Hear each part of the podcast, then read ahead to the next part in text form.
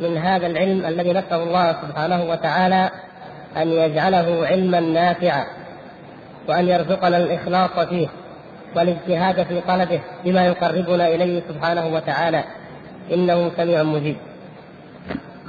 وكما تعلمون أيها الإخوان قد كنا في شرح الفقرة الحادية والأربعين وهي قول الإمام الطحاوي رحمه الله فيتذبذب بين الكفر والإيمان والتصديق والتكذيب والإقرار والإنكار موسوسا تائها شاكا. لا مؤمنا مصدقا ولا جاحدا مكذبا. وما ذكره الشارح رحمه الله من نقول عن علماء الكلام في حيرتهم واضطرابهم وترددهم. ونعوذ بالله من الحيرة والشك. ومن ذلك ما نقله عن ابن رشد وقد سبق الحديث عنه والآمدي ووقفنا عند الحديث عن الرازي في موضوع الرازي ولكن لا بأس أن نعيد الفقرة هذه الفقرة نعيدها بإيجاز إن شاء الله لنستكملها في هذه الحلقة أو فيما بعدها كما ييسر الله تبارك وتعالى إنه هو المعين. تفضل. إيه نعم. طرفي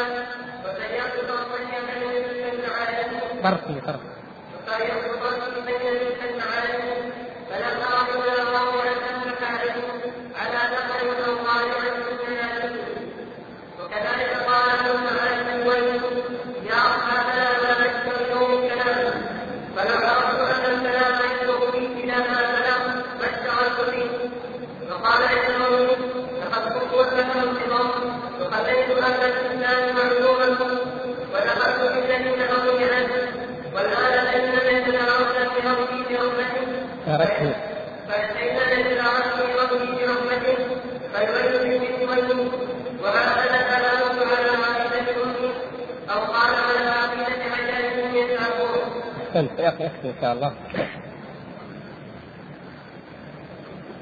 كما تعلمون أيها الإخوة الكرام أن العلم الذي يورث اليقين ويورث الخشية ويورث الثمرة الصالحة وهي الأعمال الصالحة مما يقرب إلى الله تعالى ومن حسن الخلق مع الناس هو العلم النافع العلم الذي جاء به الكتاب والسنة وأنزله الله تبارك وتعالى شفاء ودواء ورحمة وحياة ونورا وهدى للناس.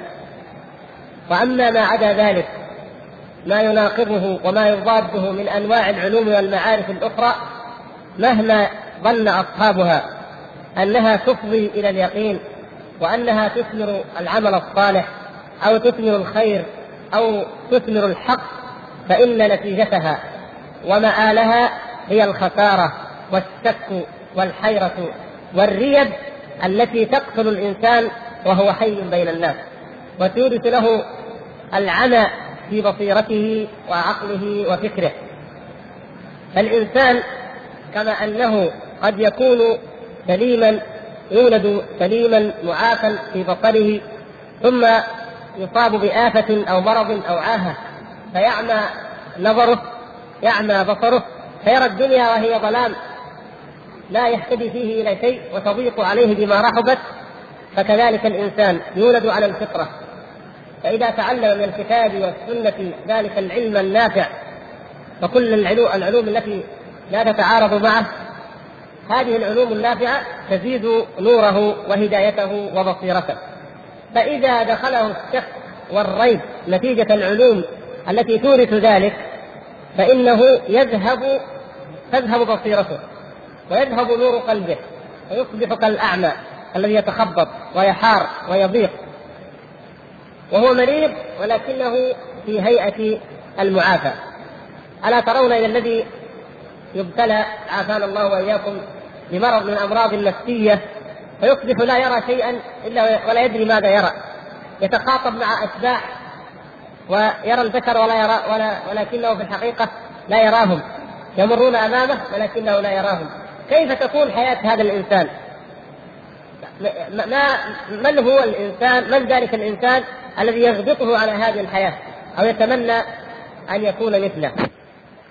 هذا الذي حصل الذي هو واقع في عالم المادة في عالم الحس في عالم البصيرة وفي عالم الحقيقة كان ذلك وهو كائن. فعلماء أو من يسمون كذلك أصحاب عقول راجحة وأصحاب فكر ورأي ثاقب تركوا القرآن والسنة. أعرضوا عما أنزله الله تبارك وتعالى مما يورث اليقين ويذهب الريب والشك ومالوا واتجهوا إلى علوم اليونان إلى الفلسفة إلى علم الكلام إلى الجدل إلى المناظرات في أمور لا خير فيها أو ليست مما يدرك بالنظر ولا بالعقل ولا بالبحث ولا بالجدال. فآل أمرهم وحالهم إلى أن وقعوا في هذا الريب وفي هذا الشك الذي عبروا عنه. كل منهم عبر عنه بما بتعبير يتفق مع حياة مع ما بذل من حياته وجهده وبما وفق إليه إن كان قد وفق إلى التوبة في آخر عمره. فهؤلاء نماذج منهم قد تحدثنا عن بعضهم. ابن رشد الحفيد. وقد قلنا إن ابن رشد هذا هو محمد ابن أحمد ابن محمد ابن رشد هذا الرجل من الفلاسفة من أكبر من يسمون فلاسفة الإسلام بل هو في الحقيقة أكبر الفلاسفة الذين ظهروا في القرون الوسطى ما يسمى بالقرون الوسطى في التاريخ الأوروبي والغربيون يعتبرونه الرجل أو الفيلسوف المؤثر في الفكر الغربي كله بعامة. وهو يسمى المعلم الثاني. على أساس أن المعلم الأول هو مين؟ أرسطو. وهو ذا هو المعلم الثاني. وابن رشد أضاف إلى إلى كلام أرسطو الشيء الكثير حذفا وإضافة ونقدا وتعديلا. وليس الأمر كما هو في الحاشية كما علق الشيخ شعيب الأرناؤوط. كما قلنا الإخوان الذين عندهم طبعة الشيخ شعيب ليس الأمر كما ذكر الشيخ من أنه سار في من في كتابه الكشف عن مناهج الأدلة في عقائد الملة. تبع يقول تبع فيه منهج القرآن الكريم في أكثر مسائله وانتقد مدارس علم الكلام. ليس الأمر كذلك. بل قد ذكرنا أن ابن رشد لم يتبع علم الكلام الذي هو الأشاعرة الذي كان أبرز من يمثله الأشاعرة. هو ينقد المنهج منهج الأشاعرة نقدا شديدا ويبين ما فيه من تناقض وخلل واضطراب هذا حق. لكن لا ينقده مؤيدا لمنهج الكتاب والسنة. لا. ملخص. رأي.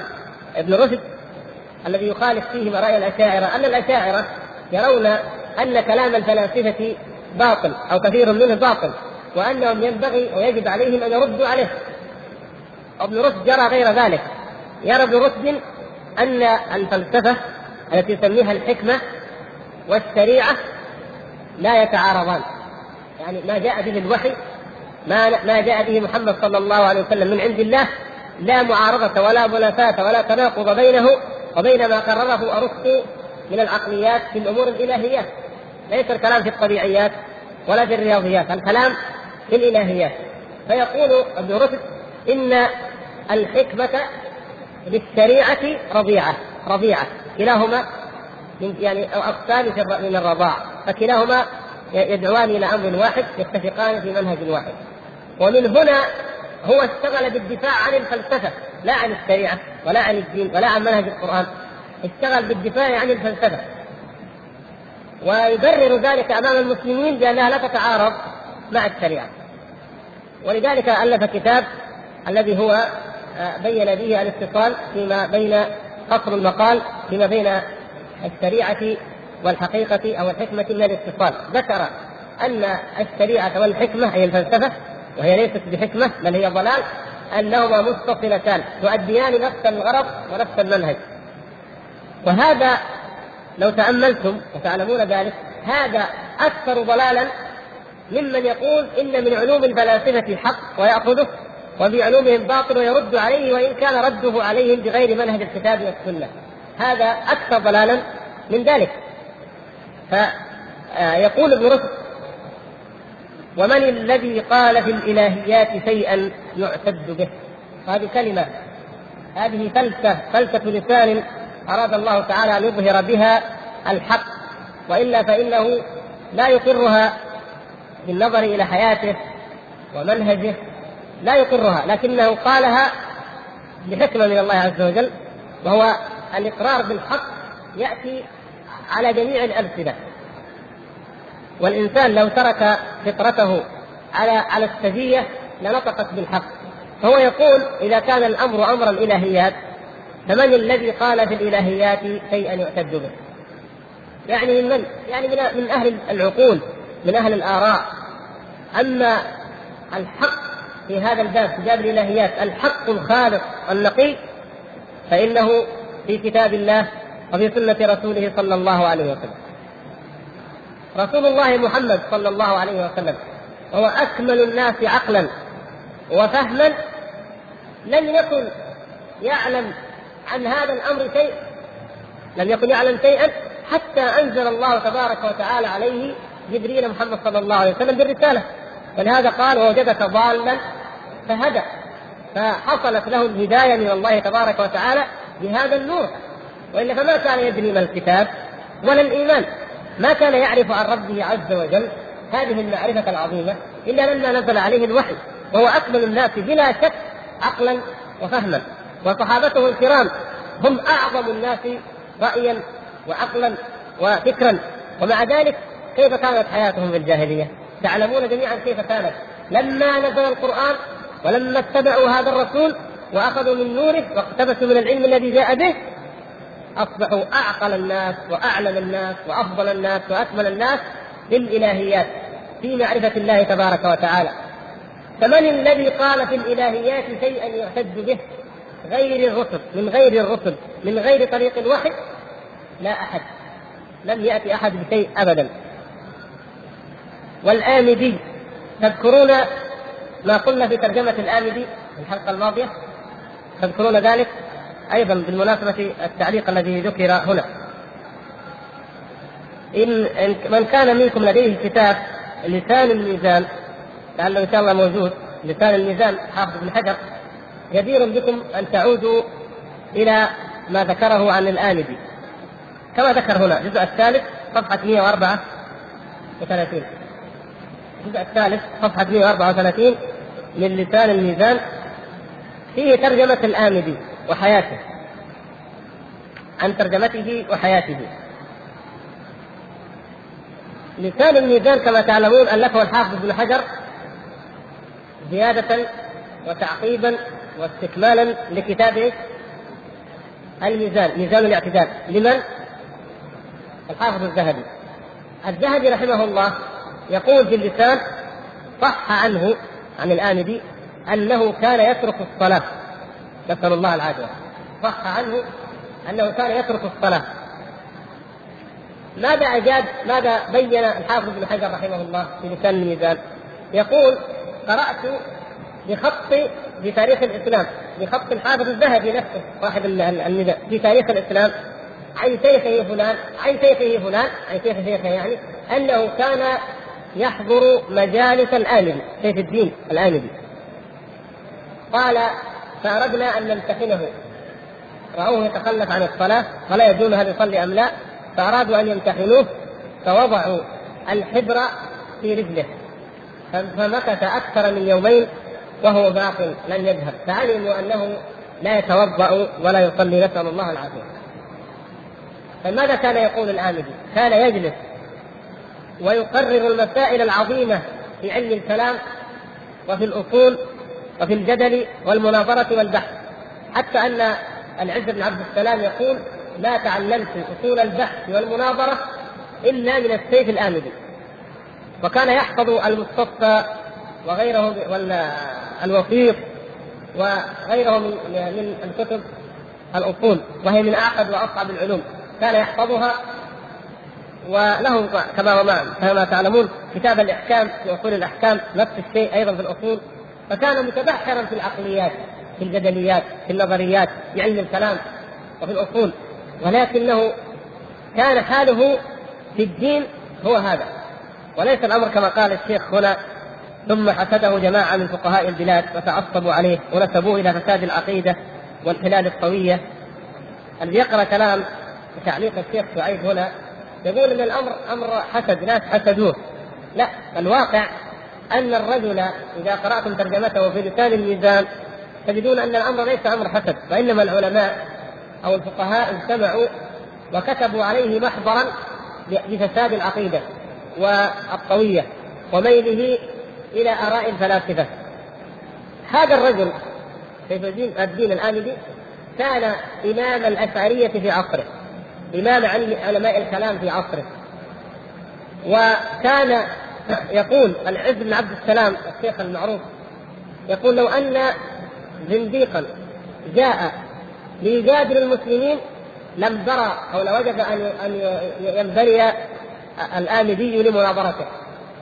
قوة في الجدل مستعد أن يناظر أعظم الزنادقة الذين يطعنون في الإسلام أو ينتقدونه بالحجة كما يظنون هكذا بالحجة العقلية لكن حاله في نفسه نسأل الله أن يعافينا وإياكم. هو لا صلته بالله تعالى هي كما سمعتم. ومع ذلك لديه من الاستعداد العقلي أن يناظر عن أمور الدين. الأمر اذا ليس أمر عقليات وكلاميات. وحفظ مسائل وحفظ متون ولا جدل. وإنما الأمر أمر إيمان ويقين. العلم إذا لم يثمر الإيمان واليقين وتقوى الله تبارك وتعالى وخشيته في السر والعلن فلا خير فيه فهذا دليل على أن ذلك العلم خبيث العلم نفسه خبيث. من حمل هذا العلم وإن كان العلم حقا ولكن كانت نيته نيته لغير الله عز وجل فإنه لا ينتفع به. فكيف إذا اجتمع الأمران؟ علم لا ينفع. ونية فاسدة. نسأل الله العفو والعافية. كيف ينتفع بهذه العلوم؟ وقيسوا يا إخوان على هذا. نظريات علم الاجتماع وعلم النفس والقوانين. القوانين الوضعية بجميع أنواعها النظريات القانونية. وأكثر هذه العلوم التي تسمى العلوم الإنسانية. لا تثمر هدى ولا صلاحا ولا فلاحا ولا خيرا لمن يقرأها. يتعمق فيها ويناقش الأدلة ويرد من كلام هذا ويأخذ من كلام هذا ويؤلف قد تكون مجلدات أو يحصل على أعلى الشهادات ولكنها لا خير فيها لا خير فيها ولا فائدة من ورائها أبدا. والفرق بين هذه العلوم وبين علم الكلام أن علم الكلام كان الناس في ذلك الزمن كل شيء ينظرون إليه من منظار الدين. حتى في أوروبا. طبعا كان ذلك أكثر بعد في أوروبا. كانت رجال الدين الكنيسه تتحكم في كل شيء في كل علم بخلاف في دين الإسلام. فهذه العلوم لأنها تسمى علوما إلهية وتتعلق بصفات الله عز وجل فالناس كانوا يتجهون إليها. فكان الواحد منهم يظن أنه يتعلم علم الكلام ليدافع عن الدين وليعتقد اليقين.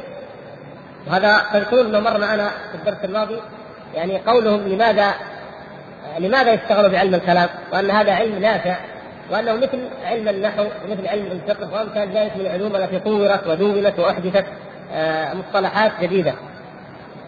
يعني علماء الكلام كانوا يظنون ذلك. العلماء المعاصرون اليوم في, في الاجتماع والقانون والنفس وأمثال ذلك يأخذونها على أنها آراء لهم هم. ما يعتقدونها انها لتقرب إلى الله. لا يقولونها لانها هي الحق الذي يريده الله. يقولون على أساس أنها هي العلم الإنساني الذي لو انتظمت الحياة عليه لصلحت الحياة الإنسانية. لأنهم يؤمنون مسبقا بأن الدين لا دخل له في شؤون الحياة ولا يمكن أن ينظم الحياة ولا يصلح في عصر الحضارة والتطور.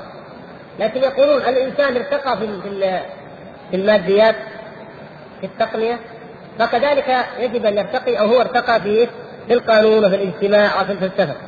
فهم يريدون أن هذا يواكب هذا مع اعترافهم مع اعتراف عقلائهم أو كبارهم لأن هذا الجانب الإنساني قاصر جدا عن مجاراه التفوق في الجانب المادي لأن الجانب المادي هو مما خلق الإنسان وخلق عقله ليعمل فيه. أما الجانب الآخر فهو مما حجب وعقل عنه العقل البشري. فالنتيجة واحدة. لا إيمان ولا تقوى ولا خشية ولا صلة بالله تبارك وتعالى.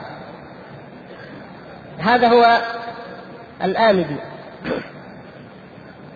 والغزالي هو أبو حامد الذي مر الحديث عنه في حلقتين ماضيتين وأنه انتهى آخر أمره إلى الوقت والحيرة في المسائل الكلامية.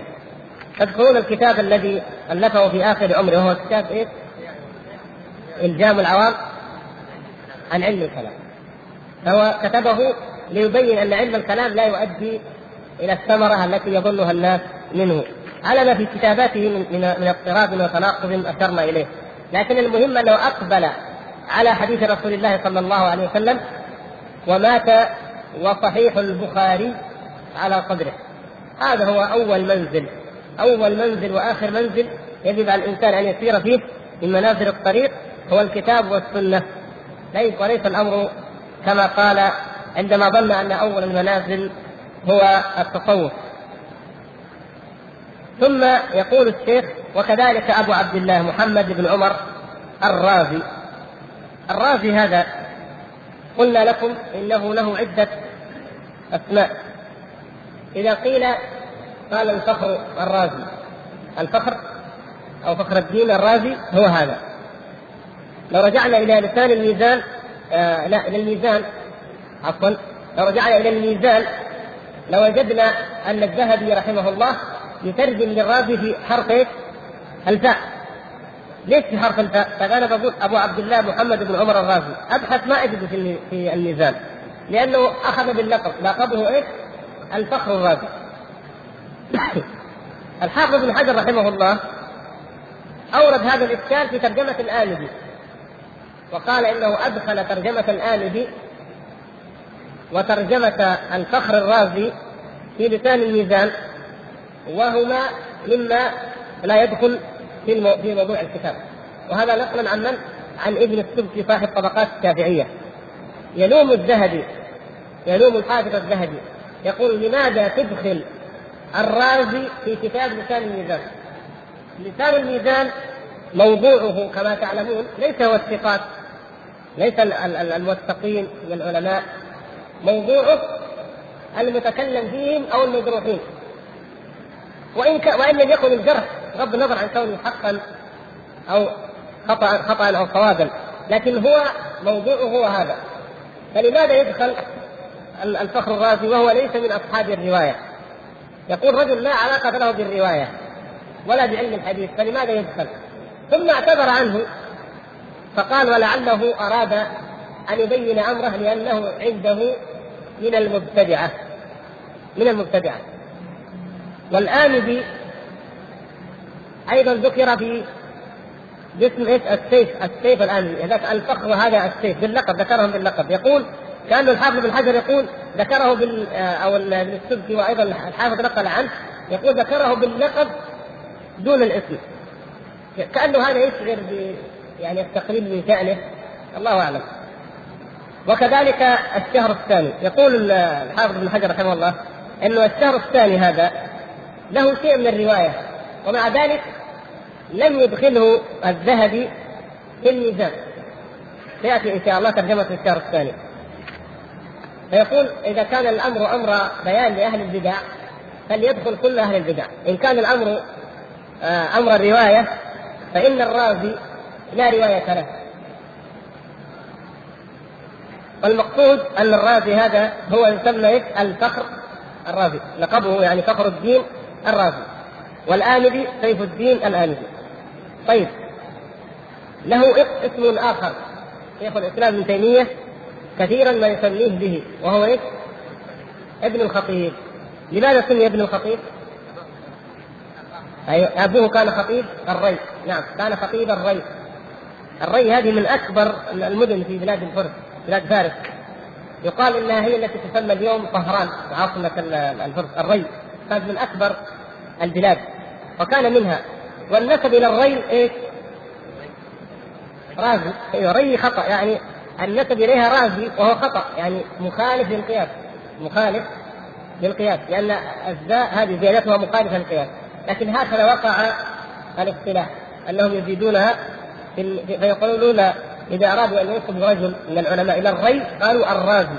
كثير من العلماء الرازي. نسبة إلى الري ألف كتابا سماه أقسام اللذات. يقول فيه ذكر فيه هذه الأبيات نهاية إقدام العقول عقال وغاية سعي العالمين ضلال. كما بينا أنه إقدام العقول وخوض العقول فيما لم تخلق له فهو ضلال. نهايته ضلال وغايته ضلال لا خير فيها. وأرواحنا يقول الرازي وأرواحنا في وحدة من جسومنا وحاصل دنيانا أذى ووبال. نعوذ بالله. وقد بينا لماذا توجد الوحدة والجفوة بين الروح وبين الجسد. أو إشارة إلى ذلك. وبيان ذلك أو موجزه أن هذا الروح أن الجسد يمشي وفق ما أمر الله وفق ما شرعه الله سبحانه وتعالى أو سنه الله تعالى كونيا. وفق النظام الكوني الأمر الكوني الذي جعله الله سبحانه وتعالى عليه. وجعل للروح الأمر الشرعي. فمن مشى متبعا للشرع من جعل قلبه وروحه متفقة مع الشرع اتفق قلبه وجسمه أو اتفقت روحه وجسمه. فلم يكن هناك وحشة بين الروح وبين الجسد. لكن الإنسان إذا جعل الجسد هذا يمشي يمشي الجسد وهو بطبيعته يمشي وفق الأمر الكوني. لكنه هو اختار لقلبه طريقا غير طريق الإيمان بالله تكون الوحدة ولهذا تجد الذين ينتحرون ينتحر وهو في غاية النعيم الجسدي. الشهوات الأموال موجودة الملذات الدنيوية موجودة. كل ما يطمح إليه الجسد موجود. فلماذا ينتحر؟ لوجود الوحدة الوحدة والتناقض بين القلب وبين الجسد بين القلب وبين هذه الحياة. لا يأنس ولا يطمئن في هذه الحياة أبدا لأنه لا راحة ولا طمأنينة إلا بالإيمان بالله تبارك وتعالى واتباع أمره. ولهذا ينتحرون. نسبة الانتحار في المجتمعات الفقيرة جدا نادرة. ولكن نسبة الانتحار في المجتمعات الثرية جدا عالية. ويكفي ذلك عبرة للإنسان إذا تأمل. وليعلم أن الحياة السعيدة هي في الإيمان بالله سبحانه وتعالى. وأن أعظم تنمية يجب أن تسعى إليها جميع الشعوب وجميع الأفراد هي تنمية الإيمان بالله عز وجل. هو الذي ينمي السعادة والراحة والطمأنينة وهو الذي يعقب أيضا الرخاء في الحياة الدنيا والنماء فيما يرزقه الله تبارك وتعالى به. كما قال نوح عليه السلام لقومه فقلت استغفروا ربكم إنه كان غفارا يرسل السماء عليكم مدرارا ويمددكم بأموال وبنين ويجعل لكم جنات ويجعل لكم انهارا فالتنمية المادية والرخاء المادي والثروة الاقتصاد الوفير كل ذلك يأتي تبعا للايمان بالله تبارك وتعالى. فالايمان بالله هو الأساس لسعادة الدنيا والآخرة. تلتئم النفس والروح مع الجسد ويلتئم الفرد مع المجتمع ويلتئم تلتئم الحياة البشرية مع الكون الذي يحيط بها. لماذا؟ إذا وجد لأن الصلة بالله عز وجل موجودة. وهذا خلق الله. هذا خلق الله سبحانه وتعالى. لما ننظر إلى حتى كيف كيف كان أصحاب النبي صلى الله عليه وسلم والرسول صلى الله عليه وسلم. التآلف يصل بين بين المؤمن بالله عز وجل وبين الماديات ليس فقط مع مع الأشخاص. المنبر الجذع النخلة يحل لأن النبي صلى الله عليه وسلم ترك الخطابة. كيف التآلف؟ الإنسان إذا أطاع الله عز وجل حتى الكون المادي. حتى أحد أحد جبل نحبه ويحبنا هذا جبل تجارة. يعني أي أحد منا يفكر إن هذا الجبل له إحساس يحب أو يبغض. لكن إذا وجد الإيمان بالله عز وجل حتى الأمور المادية حتى سيارتك حتى لا تتعامل معه أمور الدنيا يكون هناك شيء كأن في نوع من العلاقة. وأنت لا تدري ما هي هذه العلاقة ما سر هذه العلاقة. لكن أنت أصلح العلاقة مع الله عز وجل. أصلح صلتك بالله عز وجل. فكل هذا الكون خلقه سبحانه وتعالى وكل هؤلاء البشر عبيده سبحانه وتعالى يسخرهم كما يشاء. لكن إذا فصلت العلاقة مع الله عز وجل وانقطعت الصلة بالله عز وجل فالنفرة النفرة مع الزوجة مع الأولاد مع الزملاء في العمل مع الحياة جميعا مهما كانت العلاقة ومهما كانت الصداقة الأخلاء يومئذ بعضهم لبعض عدو إلا المتقين. يتلاعنون في النار يتلاعنون ويتخاصمون وكل منهم يقول أنت وأنت أنت السبب وهذا يقول أنت السبب. هكذا كل محبة في هذه الحياة الدنيا. المقصود أنه يقول وارواحنا في وحشة من جسومنا وحاصل دنيانا أذى ووبال. ولم نستفد من بحثنا طول عمرنا سوى أن جمعنا فيه قيل وقالوا عافانا الله وإياكم. هذا هو علم الكلام. قيل وقالوا فان قيل قلنا وهذا هو هذا هو في الأمر لكن هل هذا الكلام يصدر عن يقين؟ هل هذا الكلام يصدر عن اعتقاد؟ هل هذا الكلام نافع؟ هل هو علم مثمر؟ ليس شيئا من ذلك. المشايخ جو الشيخ علي والشيخ عبد الله إن شاء الله يعينون على بعض الترجمات التي قد لم نجدها إن شاء الله. فيقول ولم نستفد من بحثنا طول عمرنا سوى أن جمعنا فيه قيل وقالوا ثم يقول فكم قد رأينا من رجال ودولة فبادوا جميعا مسرعين وزالوا. وكم من جبال قد علت شرفاتها رجال فزالوا والجبال جبال. انظروا ما يمكن أن نسميه يقظة الروح أو يقظة الضمير. لما يتفكر الإنسان في أمر مصائر الناس. هذه من أكثر ما يورد اليقين في القلب. ولو أن الرازي فطن إلى هذا الأمر وحده كما ذكر في هذه الابيات لا أغناه. العبر كثيرة. هذه العبرة الله سبحانه وتعالى يكررها في القرآن لأنها عظيمة لأنها مؤثرة. تفطن وتفكر في الأمم الذين من قبلك. في من قد خلق قد خلت سنن تسير في الأرض. فانظروا كيف كان عاقبة الذين من قبل انظروا إلى الآثار التي خلفها الذين من قبلكم. انظروا أو قد خلت من قبلكم سنن تسيروا في الأرض. الله تعالى هكذا أمر قد خلت من قبلكم سنن تسير في الأرض. فانظروا كيف كان عاقبة الذين من قبلكم. الرومان الفرس الصينيون الآشوريون البابليون الفينيقيون الفراعنة كذا كذا كذا. أمم حضارات دول ذهبت وزالت كما يقولون كادت ثم بادت هذا المصير ألا ألا يكفي ألا يثير العبرة لكل ذي قلب لكل ذي عقل؟ إن في ذلك ذكرى لمن كان له قلب أو ألقى السمع وهو شهيد.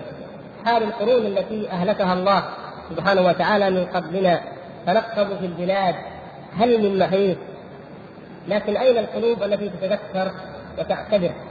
الرازي في في لحظة اليقظة هذه يقظة الضمير أو يقظة الروح استطاع أن يعبر عن هذه القضية وعن هذه العبرة إذا تفكر الإنسان وتأمل فكم قد رأينا من رجال ودولة فبادوا جميعا مسرعين وزالوا وكم من جبال قد علت شرفاتها رجال فزالوا والجبال جبال هكذا الحياة هذا شأنها.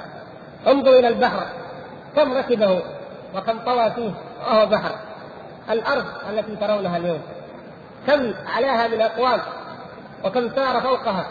ربما كان أحدهم يتبختر في مشيته وكأنه لن يموت وكأنه كما قال الله عز وجل لن تخرق الأرض ولن تبلغ الجبال طولا لكنه كان يظن ذلك كان يشعر بذلك. ثم في الأخير أين هو الآن؟ المعري وكان من كبار الملاحدة يقول خفف الوطأ ما أظن أديم الأرض إلا من هذه الأجساد.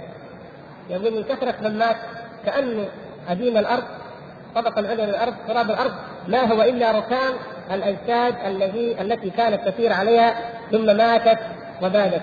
ويأتي الناس اليوم كما تلاحظون لو أمكن للناس أن يبيعوا المقابر أو يبنوا عليها العماير ويؤجرونها والله لا يفعلون. لولا المقاومة الشديدة وتأتي الأوقات وتضع السور ويأتي الناس ويدفون السور ليبنوا فوق المقابر. فعلا يعني وكأن الأمر ليس هناك أي تفكير في أن مصيرنا هو كمصير هؤلاء. ويأتي الباحثون المنقبون يبحثون في صحراء جرداء ويقول وجدنا تحت هذه الصحراء مدينة عظيمة جدا وفيها كذا وكذا وكان فيها مسارح وكان فيها معابد وكان فيها وكان فيها تحت الأرض ذهبت. وربما يبني الناس فوقها مدن ويعصون الله عز وجل كما كان أولئك يعصون الذين هلكوا والذين بادوا وهكذا. وربما يأتي يوم ما نرى من هذه العماير والبيوت. تضمحل وتذهب في التراب أيضا ويأتي قوم لا يذكروننا ولا يذكرون ما كنا فيه بل يعصون كما عصينا. نسأل الله العفو والعافية. نسأل الله البصيرة في أمرنا. ثم يقول الرازي لقد تأملت الطرق الكلامية. الطرق الكلامية والمناهج الفلسفية. هما قريبان من بعض. فما رأيتها تشفي عليلا ولا تروي غليلا. وهذه كما قال هذه قولة مجرب ليست فلسفة من أحد قولة مجرب عالم بصير. فيقول ورأيت أقرب الطرق طريقة القرآن بل الصواب محصور فيها وحدها في طريقة القرآن. اقرأ أو أقرأ يصح هذا وهذا. في الإثبات الرحمن على العرش استوى. إليه يصعد الكلم الطيب. كما تعلمون أن أمر العقيدة يدور على مسألتين على النفي والإثبات. ماذا نثبت لله عز وجل؟ وماذا ننفي عنه؟ بالذات في موضوع الأسماء والصفات. يقول هو إذا قرأت في الإثبات الرحمن على العرش استوى إليه يصعد الكلم الطيب. أفهم بجلاء وبوضوح أن الله تبارك وتعالى فوق المخلوقات. عالم على جميع المخلوقات سبحانه وتعالى. بدون أي نقاش. لكن لو نجد كلام الرازي وغيره في نفي العلو في محاولة مريرة مستميتة لإنكار علو الله وأنه لو كان كذا لكان جهة ولخلت الجهات وكذا كلام طويل عريض محير يقول دعني لا دعك هذا كله. انظر بالاثبات اقرأ فقط الرحمن على العرش استوى. إليه يصعد الكلم الطيب. وإذا تجد نفسك تؤمن بعلو الله تبارك وتعالى. وتؤمن بجميع الصفات التي وردت في الإثبات. وأقرأ في النفي أو اقرا في النفي ليس كمثله شيء. تكتيك ليس كمثله شيء. ليس بجوهر ولا عرض ولا ولا مادة ولا مركب ولا متحيز ولا كلام كلام. وكل كلمة من الكلام تختلف تفصيلات ونقاشات. لا. الله تعالى يقول ليس كمثله شيء. تكفيك هذه في النفي وفي التنزيل بالله تبارك وتعالى. وقوله ولا يحيطون به علما.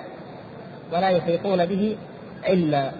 إذا عرفنا أننا لا نحيط بالله تبارك وتعالى علما فهذا موجب لئلا نخوض في أمر من أمور الغيب وفيما يتعلق بصفاته تبارك وتعالى. لأن علمنا قاصر محدود عن إدراك هذه الأمور. فنؤمن به كما أخبر.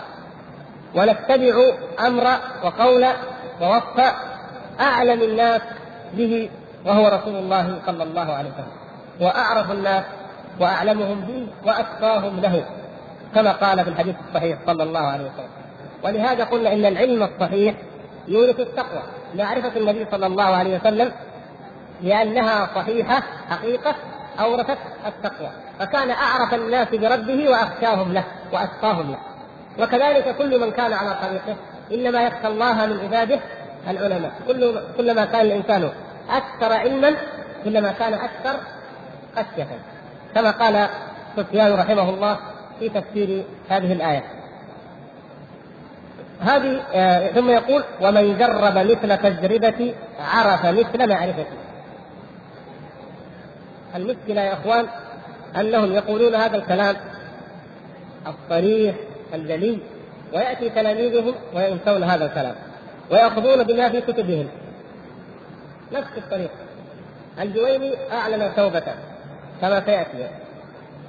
جاء أبو حامد الغزالي تلميذه وأخذ يترك المناهج. في الأخير تاب أبو حامد.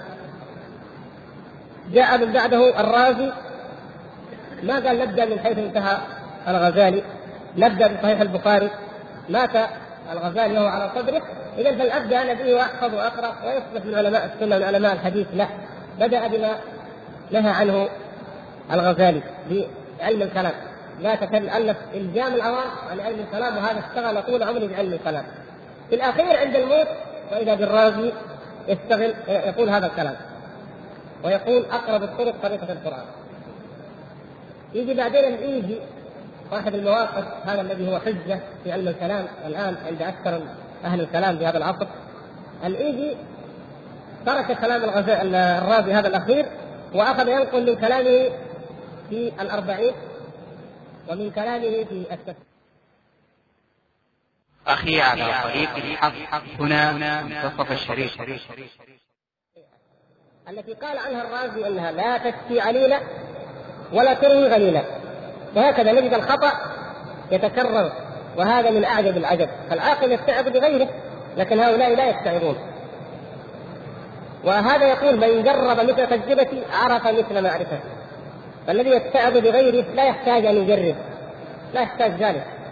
قارن بين هذه العبارة وبين قول أبي حامد الغزالي الذي سبق في قبل حلقتين عندما يقول وهذا يعني ذم علم الكلام وهذا إذا سمعته من محدث أو حسوي ربما خطر بذلك أن الناس أعداء ما جهلوا. هذول أهل الحديث يكرهوا علم الكلام أو حسويه يكرهوا علم الكلام. يقول فاسمع هذا ممن خبر الكلام. يعني نفسه فاسمع هذا ممن خبر الكلام. ثم قاله بعد حقيقة الخبرة وبعد التغلغل فيه إلى منتهى درجة المتكلمين. خذ هذا الدم لعلم الكلام ممن بلغ هذه الدرجة. الرازي يقول أيضا من جرب مثل تجربتي عرف مثل معرفة ولكن أين من يعتذر؟ وأين من يتعب؟ هذول أربعة. ابن رشد الآمدي الغزالي الرازي. هذول كم؟ أربعة. الخامس وكذلك قال الشيخ أبو عبد الله محمد بن عبد الكريم الشهر الثاني. إنه لم يجد عند الفلاسفة والمتكلمين إلا الحيرة والندم حيث قال لعمري لقد قدت المعاهد كلها وسيرت طرفي بين تلك المعالم فلم أر إلا واضعا كف حائر على ذقن أو قارعا في النادين هذا الشهر الثاني الذي عنده طبعة الشيخ سعيد برضه نفس الخطأ وقع فيه الشيخ سعيد غفر الله لنا وله. يقول هو محمد بن عبد الكريم الشهر الثاني من فلاسفة الإسلام. شوف هذا التعريف من فلاسفة الإسلام. مثل ما عرف من قبله. هل في الإسلام فلاسفة؟ ما عندنا فلاسفة في الإسلام. ولا يصح هذا الكلام. الإسلام له علماؤه الذين يتبعون الكتاب والسنة. أما من اشتغل بالفلسفة فهؤلاء مبتدعة ضلال. ولهذا زي ما قلنا ابن السبكي يعتذر للذهبي رحمه الله عن إيراد الرازي والآمدي في لسان الميزان في الميزان ثم في ثم ابن حجر في اللسان يعتذر عن ايرادهم في الميزان بماذا؟ لأنه يقال لانهم من أهل البدع يريد أن يبين حالهم وإلا فليس من أهل الرواية. الغرض هو بيان أنهم من أهل البدع. هذا يعتذر به ابن السبكي على تعصبه لهؤلاء. يأتي الشيخ سعيد الله يغفر له وله أكثر تعصبا حين يقول من فلاسفة الإسلام. طيب فلاسفة الإسلام إيش معنى هذه الكلمة؟ يعني أن فيها أن هذا الدين يحتاج إلى فلاسفة يحتاج إلى ناس يتعمقون في هذه العلوم. وياتون بماذا؟ بما يخالف الكتاب والسنة. إن جاءوا ما يوافق الكتاب والسنة ما عادوا فلاسفة. صاروا فقهاء الفقيه يستنبط من الكتاب ومن السنة. هذا يسمى فقيه. وإن جاء بعلوم اليونان وأباطيلهم فها التي هي فلسفة فهذا ليس من الدين في شيء. هذا مبتدع مارق ولا يضاف إلى الإسلام ولا ينسب إلى الإسلام. كان إماما في علم الكلام على مذهب الأشعري. نعم هذا صح. هذا الكلام صحيح. كان الشهر الثاني إماما في علم الكلام على مذهب الأشعري وكان إماما في إيش؟ في محل الأمم ومذاهب الفلاسفة. كان الشهر الثاني على معرفة عظيمة بأقوال الفلاسفة والنحل والفرق. ولهذا ألف كتابه الملل والنحل عمن أخذ الكلام؟ لو رجعتم إلى لسان الميزان يقول إنه أخذ الكلام عن أبي نصر القشيري. أبو نصر القشيري هذا ابن القشيري صاحب الرسالة. هؤلاء كانوا في ذلك الزمن في زمنهم كانوا على عداوة شديدة على عداوة شديدة مع أهل السنة والجماعة الذين كانوا أو يسمون أحيانا أو في بعض الكتب يسمون الحنابلة. فكانت المعركة قائمة بين القتيري هذا وتلامذته وبين أهل السنة أو المسمون بالحنابلة ومن كان معهم. العداوة شديدة بين الطرفين. وكان معروفا عند العامة وعند الناس أن من انتحل طريق ابن القشيري ومنهجه أنه من أهل البدع كما موضح في ترجمة ابن القشيري في كتاب المنتظم لابن الجوزي. فالمراد أن هؤلاء هم شيوخه فهو كان هذا حاله. يقول ياقوت الحموي في وصفه يقول الفيلسوف المتكلم صاحب التصانيف كان وافر الفضل كامل العقل. ثم يقول ياقوت ولولا تخبطه في الاعتقاد ومبالغته في نصرة مذاهب الفلاسفة والذب عنهم لكان هو الإمام. لولا ذلك لكان هو الإمام. الحقيقة أن هذا القول آه، ياقوت لو تأملنا كما ذكر الحافظ في اللسان هو ما نقل عن ياقوت.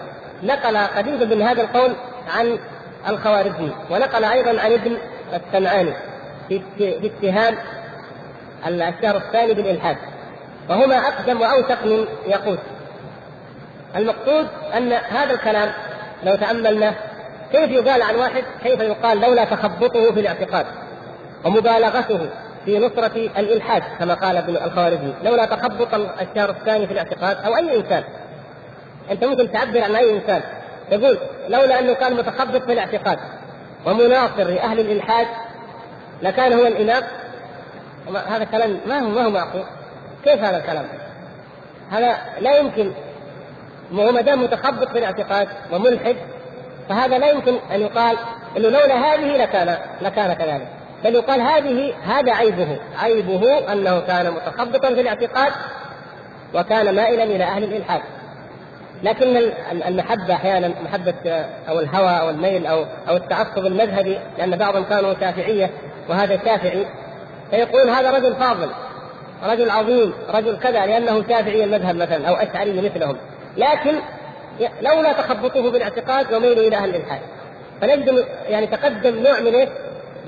حكم مسبق في النفس وهو كونه مثلنا اشعريا أو شافعيا ممدوح الأصل أنه ممدوح لولا وقوعه فيما يذم ويعاب به. وهذا من من الهوى الذي لا نجده عند علماء الجرح والتعديل. الذين جعلهم الله تبارك وتعالى ميزانا ومعيارا لا يحيف لمعرفة الناس والحكم عليهم هذا من فضله تبارك وتعالى لحماية هذا الدين دون تعصب لأي لأحد كائنا من كان. من تصانيفه كتاب نهاية الإقدام في علم الكلام. نهاية الإقدام في علم الكلام. الشهر الثاني يقول: لما وجدت الناس في حيرة وفي ضلال وفي سكوت وفي ريب وأنهم محتاجون إلى علم صحيح وإلى عقيدة صحيحة. هذا في أول كتابه الف هذا الكتاب نهاية سماه نهاية الإقدام في علم الكلام. تأملوا عنوان الكتاب نهاية الإقدام في علم الكلام.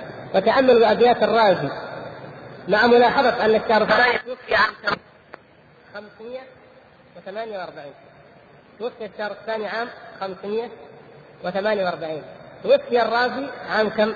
606 الرازي قطعا اطلع على كتاب الشهر الثاني وتأمله وهو من أعظم الكتب في مذهب الأشعرية وفي عقيدتهم والرازي كان إماما لهم قطعا لابد أنه قرأ واطلع عليه.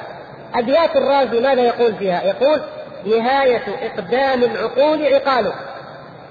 وغاية سعي العالمين ضلاله. فكأنه يقول ما ما كنا نعتمد عليه. ما كنا نعتبره النهاية في الإقدام في في العلم وفي العقيدة الكتاب الذي هو معيارا الذي هو كان معيارا صحيحا لنا. وغاية ما ألفه علماؤنا في هذا المذهب هو إيش؟ ضلال ووبال وخسارة ولا فائدة فيه. ويقول نهاية إقدام العقول عقال وغاية سعي العالمين ضلال إلى أن يقول ولم نستفد من بحثنا طول عمرنا سوى أن جمعنا فيه قيل وقالوا. وهذا هو حال كتاب نهاية الإقدام. قيل وقالوا. فنهاية الإقدام في علم الكلام مطبوع موجود في المكتبات الجامعية يمكن لا يباع لأنه ليس له قيمة علمية أو رغبة عند الجماهير حتى يباع لكن موجود مطبوع. ذكر في أوله هذين البيتين أنه ما ألف هذا الكتاب إلا ليحل هذه المشكلة. إيش هي المشكلة؟ يقول لعمري لقد طفت المعاهد كلها. مر على معاهد العلم وعلى الحلقات أو كذا لعمري لقد طفت المعاهد كلها. وسيرت طرفي أي عيني بين تلك المعالم. فرأى رأى الناس جميعا المشتغلين بعلم الكلام. فماذا رأى؟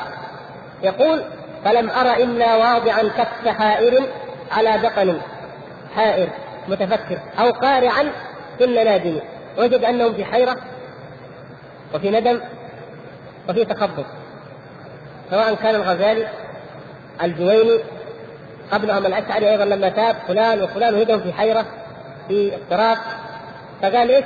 قال اذا سأؤلف هذا الكتاب ليقطع الحيرة وليقطع الريب وليأتي بالعلم الصحيح سبحان الله وهل هذا مما وكل إلى الشهر الثاني أو إلى من هو أجل وأعظم منه؟ لا والله الحق واليقين والهدى لم يحوج الله تبارك وتعالى الناس في أمره إلى الشهر الثاني ولا غيره. وإنما هو في كتاب الله وفي سنة رسول الله صلى الله عليه وسلم. فلو أنه وهو يعبر عن حال هؤلاء الناس قال كما قال عبد الله بن مسعود رضي الله تعالى عنه التقي من اشتقي في بطن أمه والسعيد من استعظ بغيره. استعظ بغيره. ورأى مصير هؤلاء إذا فأنا لا أخوض بهذا العلم. ما دام طفت المعاهد كلها وقلبت طرفك بين تلك المعالم وجدت الحيرة والضلال والشك والريبة تقول ها أنا آتي باليقين لست أهلا لذلك. فلو أنت لو أنك لما رأيت ذلك قلت اذا أنا أترك الخوض في هذا الأمر.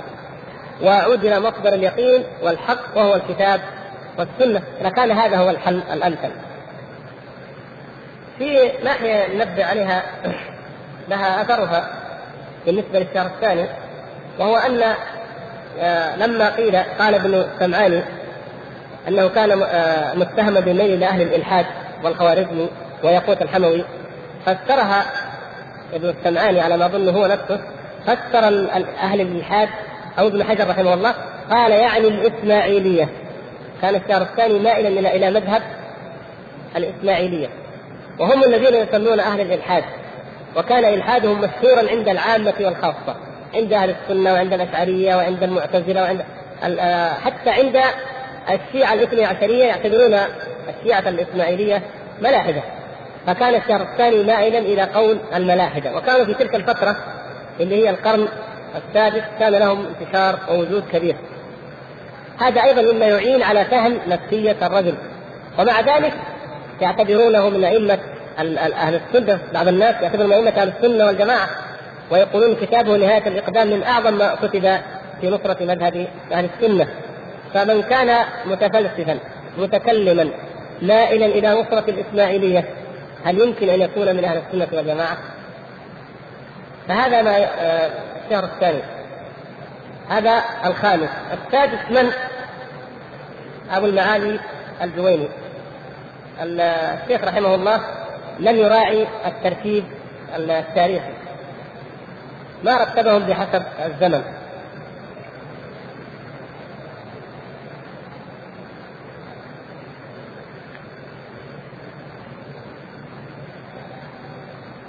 الجويني يقول يا أصحابنا لا تشتغلوا بالكلام. فلو عرفت أن الكلام يبلغ بي ما إلى ما بلغ ما اشتغلت به. وقال عند موته لقد خضت البحر الخضم وخليت أهل الإسلام وعلومهم ودخلت في الذي نهوني عنه والآن فإن لم يتداركني ربي برحمته فالويل لابن الجويني فالويل لابن الجويني وها أنا ذا أموت على عقيدة أمي أو قال على عقيدة عجائز نيسابور هذا الكلام ذكره الحافظ الذهبي رحمه الله في ترجمة ابن المعالي في سير أعلام النبلاء ذكره شيخ الإسلام في التسعينية في علم الكلام ذكره الحافظ ابن حجر رحمه الله أيضا في في فتح الباري في كتاب التوحيد كلام مشهور عن الجويني توبة الجويني عن علم الكلام منها تأليفه كتاب النظامية النظامية الرسالة التي ألفها باسم من؟ مرت معنا هذه باسم من؟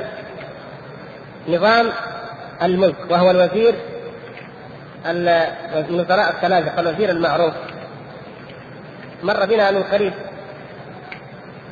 بلاش نخلي المهم إنه مر علينا وتحدثنا عن آه، كتاب النظامية وهي رسالة مطبوعة في موضوع التأويل مر معنا. نعم قريب وأن الجويني يقول لما رأيت أهل الإسلام علماء الإسلام وهم الصحابة والتابعون وكذا رأيتهم منصرفين عن التأويل وهم أعلم الناس بالدين وأحرصهم على حفظه. قال لو كان ذلك خيرا لكانوا أسبق إليه من غيره.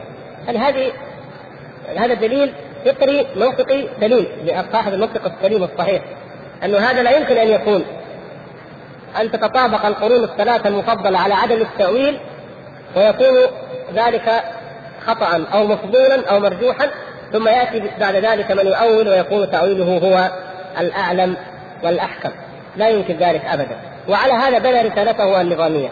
وقلنا أنه يميل فيها إليه إلى التفويض. يميل في النظامية إليه التفويض. ويظن أن مذهب السلف هو التفويض المطلق يعني تفويض المعنى والكيفية. وفصلنا لكم الفرق بينهما وأن السلف يفوضون في؟ في الكيفية. أما المعاني فنحن نثبت معاني صفات الله سبحانه وتعالى كما هو معلوم من آه، كما فهمها النبي صلى الله عليه وسلم وأصحابه والسلف الصالح والمفسرون وعلماء اللغة. هذه النظامية. طيب في موقف من المواقف أيضا ذكرناه كان سببا من أسباب توبة الجويني. تذكرونه؟ لما وقف على المنبر وتكلم في أمر العقيدة. وفي نفي العلو فكان أبو جعفر الهمداني جالس في المسجد فقال له أيها الشيخ دع عنك هذا دعنا من الجدل من النقاش من العقليات وأخبرنا عن ضرورة يجدها الإنسان عن الضرورة التي يجدها الإنسان حين يدعو الله عز وجل. فما من داع يدعو الله إلا ويجد ضرورة أن يتجه إلى العلو. فقال ما هي ما سر هذه الضرورة؟ فأخذ الجويني يلطم بكمه في المنبر ويقول حيرني الهمداني حيرني الهمداني ونزل من على المنبر. هذه واقعة ثابتة ومشهوره أيضا وأن علم الكلام مقابل للفطرة السليمة. فقط ضرورة نفسية ليست مما آه، يقال له ضرورة عقلية أو حصيله عقلية، ضرورة نفسية شعورية لا يستطيع العقل أن يوقفها لأنها لم تأتي عن طريق العقل أصلا ولم ولم تخطر ولم تأتي عن طريق العلم والتعلم وإنما هي فطرة مركوز مركوزة في كل نفس أن الإنسان إذا دعا يتجه إلى العلوم لا, ليس هناك من حل يدفع هذه الضرورة إلا الإيمان فعلا بأن الله تعالى فوق مخلوقاته. فالذين ينكرون العلو يكابرون وينكرون هذا. عند الموت أخذ يوفي تلاميذه أبو المعالي الجويني. طبعا كما ذكرنا هو شيخ من؟ أبو المعالي الجويني شيخ من؟ شيخ أبي حامد الغزالي.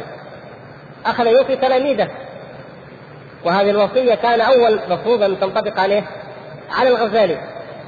يقال إنه لا كما في تراجمهم في ترجمتيهما لا من تلميذ غلب شيخه حتى طمس ذكره في حياة شيخه كأبي حامد الغزالي في حياة الجويني. لأن الشيخ آه، كشفت سمعته وتضاءلت وهو حي لما نبغ الغزالي بوفرة ذكائه وسعة اطلاعه ومعرفته ودقته في العلوم. ففي حياة الشيخ بدأ كان نجم تلميذه قد علا وطغى على سمعة الشيخ. فهل اعتبر التلميذ؟ طبعا تعلمون الجواب. في الأخير عند الموت فقط وليس في الأول.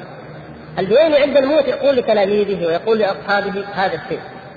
لقد خضت البحر الخضم والحافظ ذكرها ركبت البحر الخضم يمكن لا مانع. وخليت أهل الإسلام وعلومهم. قال أنا هذه العلوم نقلية. هذه العلوم علوم الحشوية علوم النابتة أو كذا مما كان يلبسون بها السنة. نتركها ونأخذ بالعلم اليقيني بالعقل بالدليل بالحجة بالمجادلة بالنظر وما أشبه ذلك. فقال خليت أهل الإسلام وعلومه ودخلت في الذي نهوني عنه ومن هنا نعلم أن علماء الإسلام ينهون عن علم الكلام وأن هذا أقدم على العلم على علم الكلام وهو يعلم أن علماء الإسلام ينهون عنه. طبعا الجويني إيش مذهبه؟ ها؟ شافعي. نعم شافعي المذهب ومن أكثر الأئمة الذين ثبت عنهم ذم علم الكلام الإمام الشافعي كما ذكر ذلك الحافظ ابن عساكر بالسند في كتابه تبيين كذب المفتري وكما ذكره هنا الشارح رحمه الله. فهؤلاء شافعية الرازي شافعي الغزالي شافعي الجويني شافعي معظم الأشعرية أئمة الأشعرية توافع شافعية فهم يقدمون على هذا العلم وهم يعلمون أن مذهبهم وأن إمام مذهبهم وشيخه ينهى عنه. ويقول حكمه فيه الضرب بالجريد والنعال. فيقدمون عليه. فيقول ودخلت في الذي نهوني عنه. والآن الآن عندما حصحص الحق وجاء اليقين وأصبح الإنسان في حال إقبال من الآخرة وإدبار من الدنيا ولا ينفع الجاه ولا العلم ولا التلاميذ ولا الشهرة ولا أقوال الناس. في تلك اللحظة الإنسان يتخلى عن كل شيء. وتتضح له حقيقته ونفسه واضحة أمامه. في لحظة الموت كل البهارج والزخارف تنتهي. الآن ماذا يقول؟ والآن فإن لم يتداركني ربي برحمته فالويل لابن الجويني سبحان الله. يرجو الرحمة من الله سبحانه وتعالى. نسأل الله يرحمنا جميعا وأن يغفر لنا وله. يسأل الله الرحمة وأن لا يفتن عند الموت وأن لا يكون اشتغاله بعلم الكلام وخوضه فيما نهى عنه علماء الإسلام سببا لسوء الخاتمة. عافانا الله وإياكم. لأن الإنسان عند الموت غالبا ما يختم له بما كان يشغل به نفسه في الدنيا. كما ذكر ابن القيم رحمه الله في الجواب الكافي أمثلة كثيرة. الذي كان مشغولا بالتجارة عند الموت يتكلم في أمر فلان والحساب والدين والناس يقولون له يا فلان قل لا إله إلا الله. يتكلم في أمره الذي كان فيه. في في العشق في المحبة في المال في المتاع الزائل في المنصب في أي شيء. حتى لو كان في الكرة في الأغاني هكذا. كل ما يشغل به الإنسان نفسه في الدنيا فإنه هو الذي يكون أو يتمثل له عند موته لأن الموت هو فراق لما يحب الإنسان. فأحب شيء كان الإنسان يحبه ويتأمل فيه يتذكره عند الموت. ومن كان متعلقا بالله متعلقا بالمساجد ببيوت الله بذكر الذكر فإنه يتذكر ذلك ويأتيه ذلك عند الموت ونعم ما يتذكر حينئذ. يقول فإن لم والآن فإن لم يتداركني ربي برحمته فالويل لابن الجويني وها أنا ذا أموت على عقيدة أمي أو قال على عقيدة عجائز نيسابور بعد هذا الخوض بعد بعد هذا الاطلاع بعد ما ألف كتاب الشامل الشامل كتاب ضخم أضخم من هذا الكتاب يعني في حجم هذا الشرح مرتين. مطبوع. حققه الدكتور علي سامي النسار وبعض تلاميذه. كذلك كتاب الإرشاد مطبوع في حجم الكتاب هذا تقريبا. بعد ما ألف هذه الكتب وظن أنه بين للناس الاعتقاد الصحيح وقال بوجوب التأويل وبوجوب أخذ العقيدة عن طريق العقل وعرضها على العقل وكذا وكذا. في الأخير يقول إيش؟ وها أنا ذا أموت على عقيدة أمي.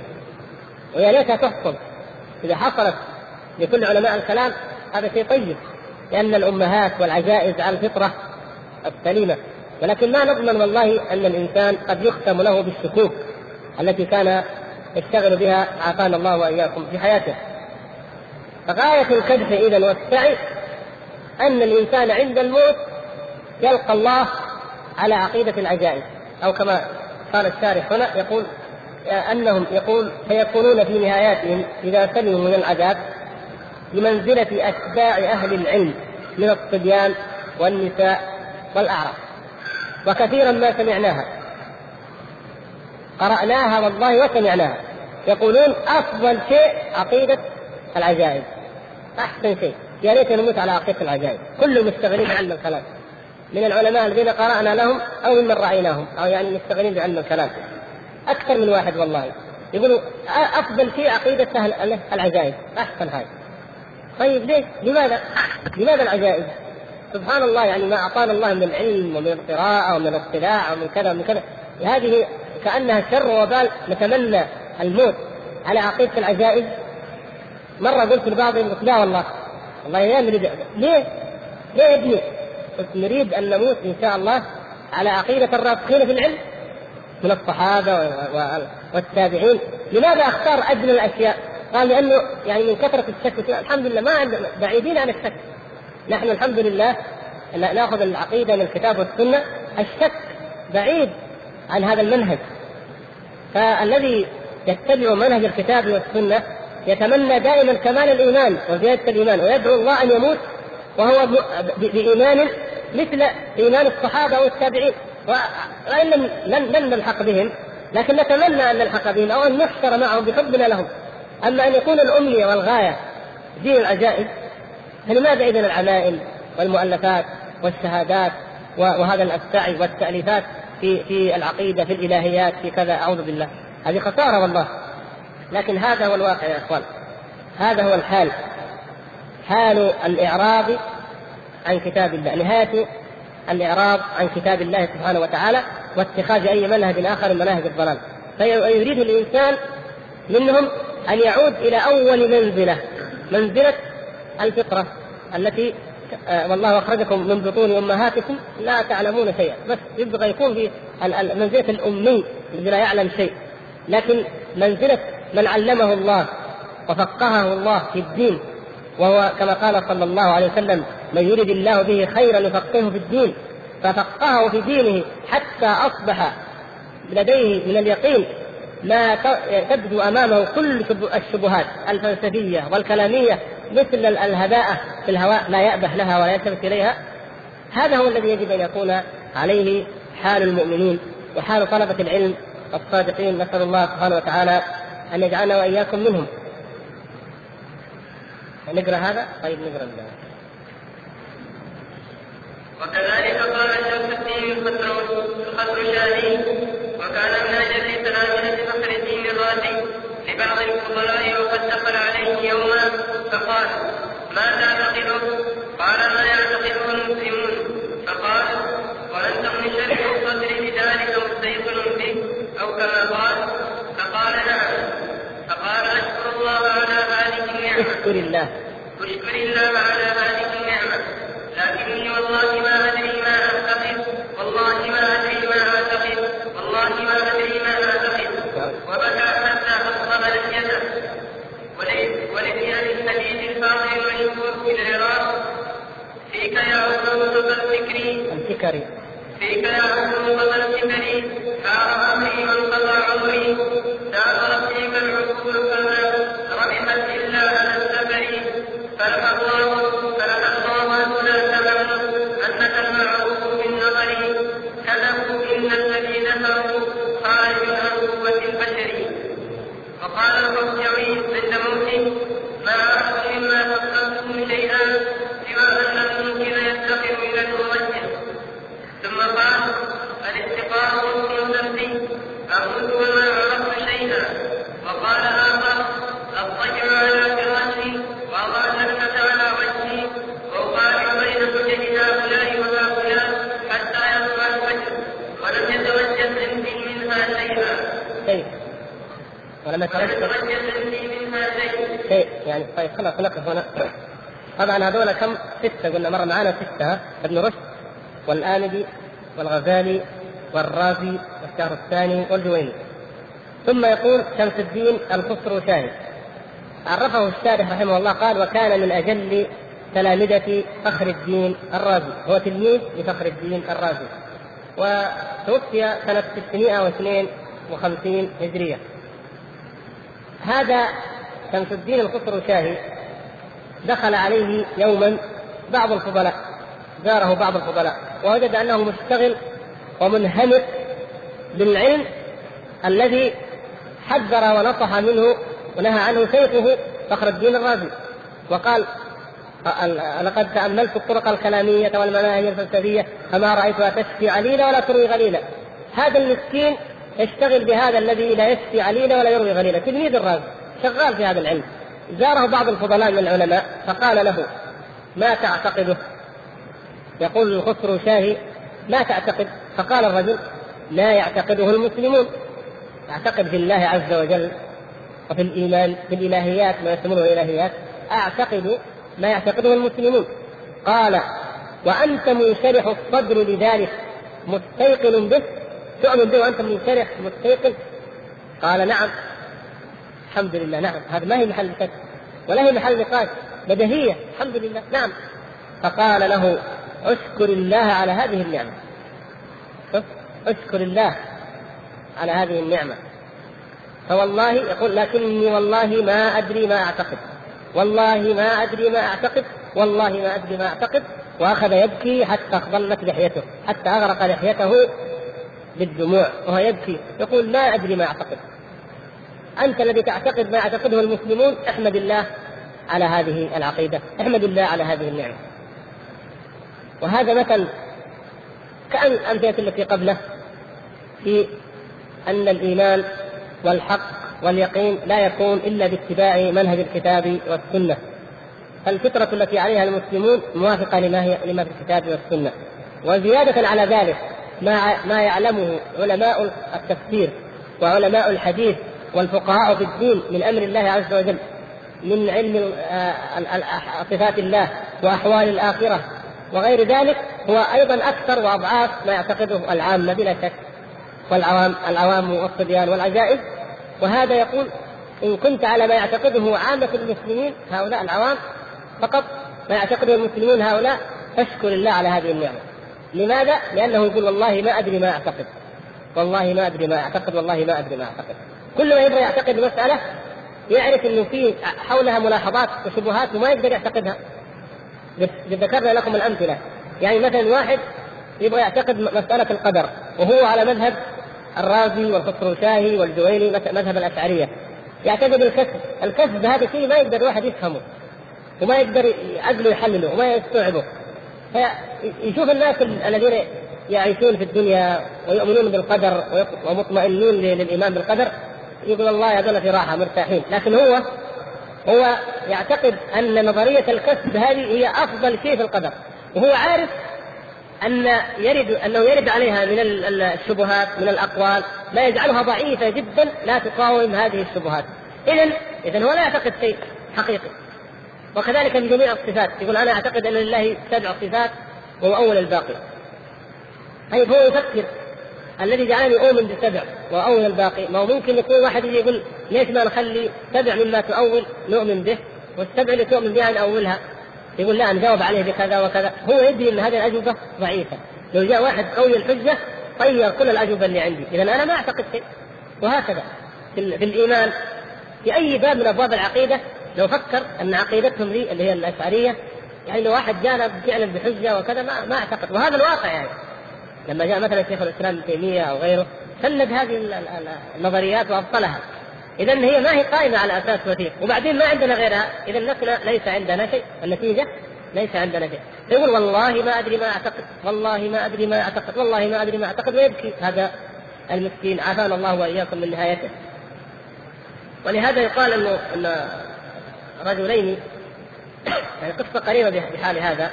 ذكرها شيخ الإسلام ابن تيمية أن في أيام عبد القادر الجيلاني جاء إليه رجلان اثنان.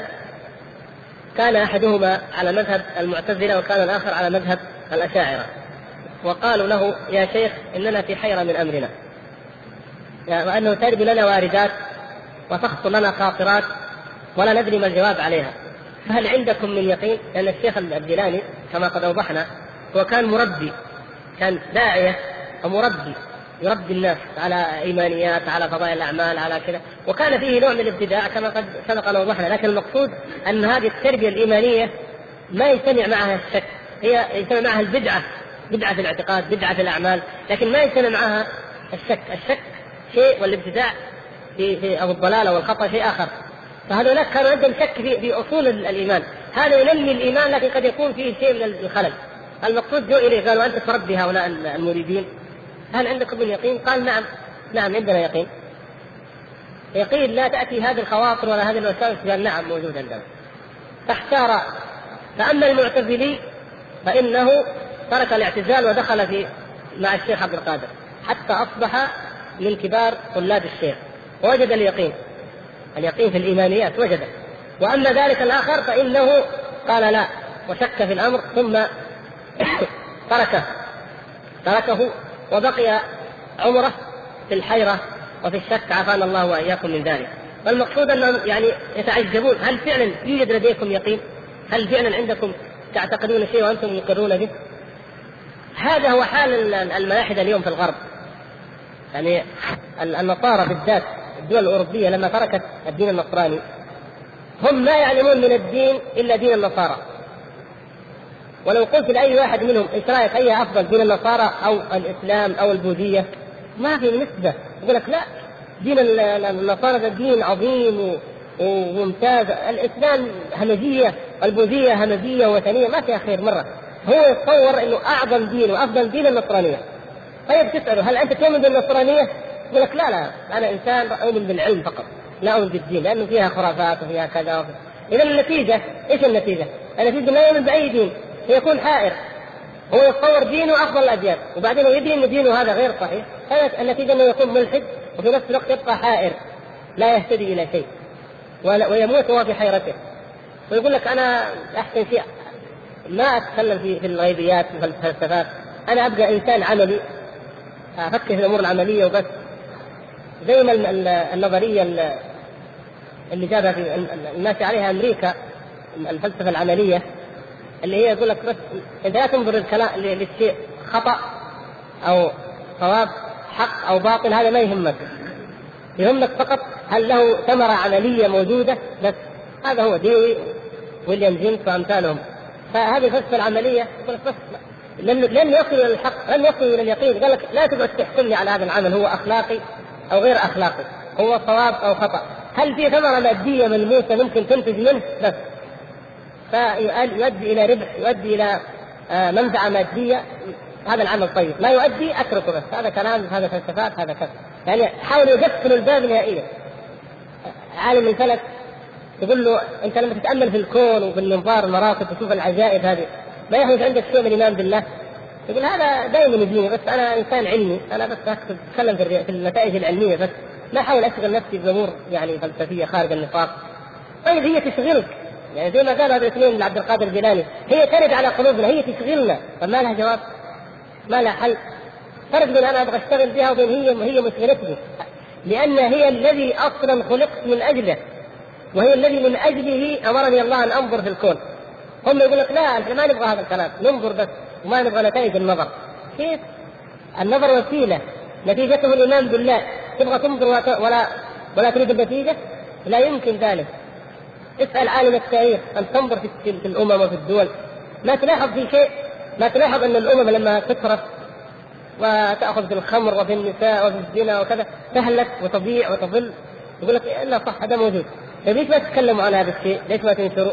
يقول لا أنا لو لو عملت هذا تحولت من كوني مؤرخ إلى كوني عالم أخلاق، لا الأخلاق لها ناس خاصين، أنا أنا شغلتي إنسان مؤرخ بس أتعرض لوصف الحالات والأشياء.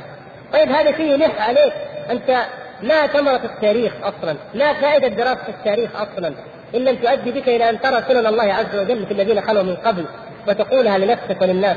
لا لا أنا ما هي هذه شغلتي. هذه شغلة علماء الأخلاق. وهكذا يعني نعوذ بالله لما يجدوا أن الأمر ما في يقفلوا نهائيا لأنهم لا يستطيعون ان يجيبوا على أنفسهم أو يتحملوا الضغط النفسي الذي يواجههم تجاه هذه القضايا. ابن ابي الحديث هذا صاحب بيت نهج البلاغة. جمع كلمات هو كان رجل بليغ. جمع كلمات بليغة منسوبة إلى عدة آه، حكماء أو خطباء ونسبها جميعا إلى علي بن أبي طالب أمير المؤمنين علي بن أبي طالب رضي الله تعالى عنه والف هو كان في يعني في درجة من الفصاحة ومن البلاغة مشهور بذلك. هو يقول هذه الأبيات قال هذه الأبيات وهي يعني رائعة في معناها وعظيمة. يقول فيك يا أغلوطة الفكر حار أمري وانقضى عمري. هذا العلم علم الإلهيات. علم معرفة اليقين والحق عن طريق الكدح الذهني والنظر والمجادلة وأشباه ذلك. يقول فيك يا أغلوطة الفكر حار أمري وانقضى عمري. هذه العلوم تحار فيها العقول. ولا تصل فيها إلى نهاية. سافرت فيك العقول فما ربحت إلا أذى السفر. ما نهاية نهايتها هي مشقة السفر فقط. والتعب والأذى ولم تصل فيها إلى نتيجة قط. فلحى الله الأولى زعموا أنك المعروف بالنظر. لحاهم الله. يعني لعابهم ولامهم وأهلكهم. يعني يدعو عليهم. لحى الله فلانا تدعو عليه بذلك. فلحى الله الأولى زعموا الذين زعموا أنك المعروف بالنظر. أننا بالنظر وبالعقل العقليات والتعمق نصل إلى الحق وأنا نعرفك يا, يا هذا الحق أو يا هذا العلم. كذبوا. يقول كذبوا. إن الذي ذكروا إن الذي ذكروا خارج عن قوة البشر. نعم صحيح. الذي ذكروه خارج عن قوة البشر. الوصول إلى الحق في أمر ما يتعلق بعالم بعلم الغيب بعالم الغيب أمر خارج عن قوة البشر. لا يمكن الوصول إليه عن طريق العلوم النظرية ولا العلوم البشرية أبدا وإنما يوصل إليه عن طريق علم الغيب وهو الوحي. الوحي هو الذي يأتي غيب يخبرنا عن الغيب. أما العلم البشري الحسي المحدود فإنه لا يستطيع أن يدرك عالم الغيب. فيقول كذبوا. إن الذي ذكروا خارج عن قوة البشر. قوله هنا فلح الله الأولى زعموا أنك المعروف بالنظر. إنه لما ننظر ونبحث ونفكر نصل للنتيجة هو زي ما قال الشاعر الأولاني اللي مر معنا فيما قبل لولا التنافس في الدنيا لما